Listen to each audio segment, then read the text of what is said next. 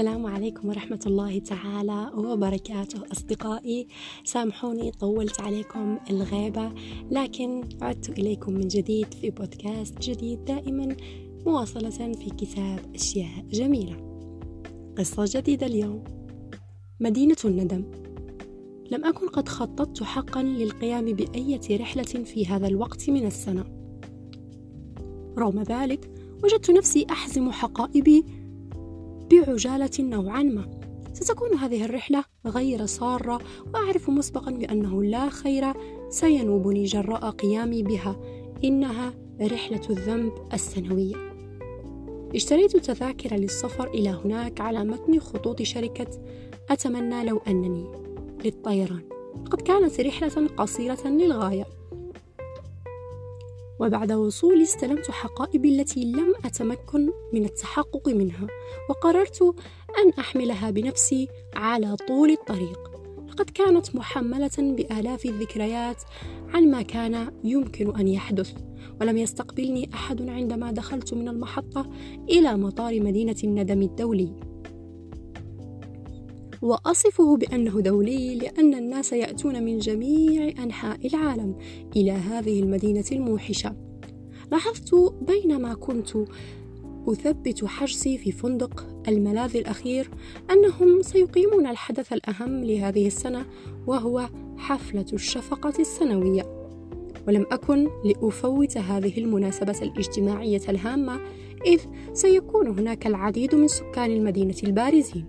في البداية سوف تكون هناك عائلة تها الذي الذين تعرفونهم وهم كان يجب أن وكنت سوف وكان باستطاعتي أن ومن ثم ستأتي عائلة كان لدي ومن المحتمل أنكم تعرفون أتمنى. العجوز وعشيرته وبالتأكيد ستتواجد هناك عائلة الفرص بكل أفرادها الضائعة والمفقودة. ولكن العائلة الأكبر التي ستكون هناك هي عائلة الأيام الماضية.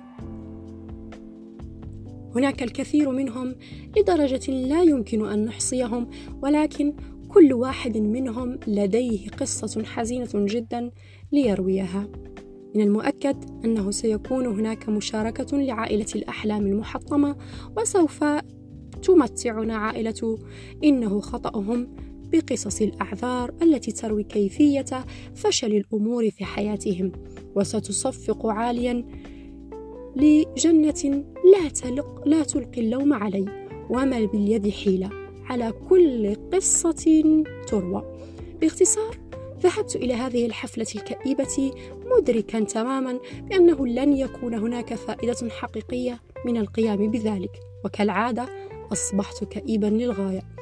ولكن بينما أنا أفكر بكل قصص الفشل المسترجعة من الماضي خطر لي أنه بإمكاني إلغاء هذه الرحلات وحفلات الشفقة الملحقة بها. بدأت أدرك أنني لست مضطرا أن أكون هناك ولا يجب أن أكون مكتئبا.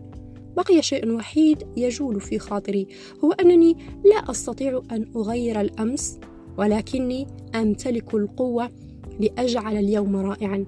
أستطيع أن أكون سعيدا ومبتهجا وراضيا ومشجعا وفي الوقت نفسه مشجعا. حالما توضح لي ذلك غادرت مدينة الندم حالا ولم أترك ورائي أي عنوان لإعادة التواصل. هل أنا آسف على الأخطاء التي ارتكبتها في الماضي؟ نعم ولكن لم تعد توجد أي وسيلة لتغييرها. لذا إذا كنت تخطط للقيام برحلة عودة إلى مدينة الندم من فضلك ألغ كل هذه الحجوزات الآن وبدلا من ذلك قم برحلة إلى مكان جميل يدعى البدء من جديد.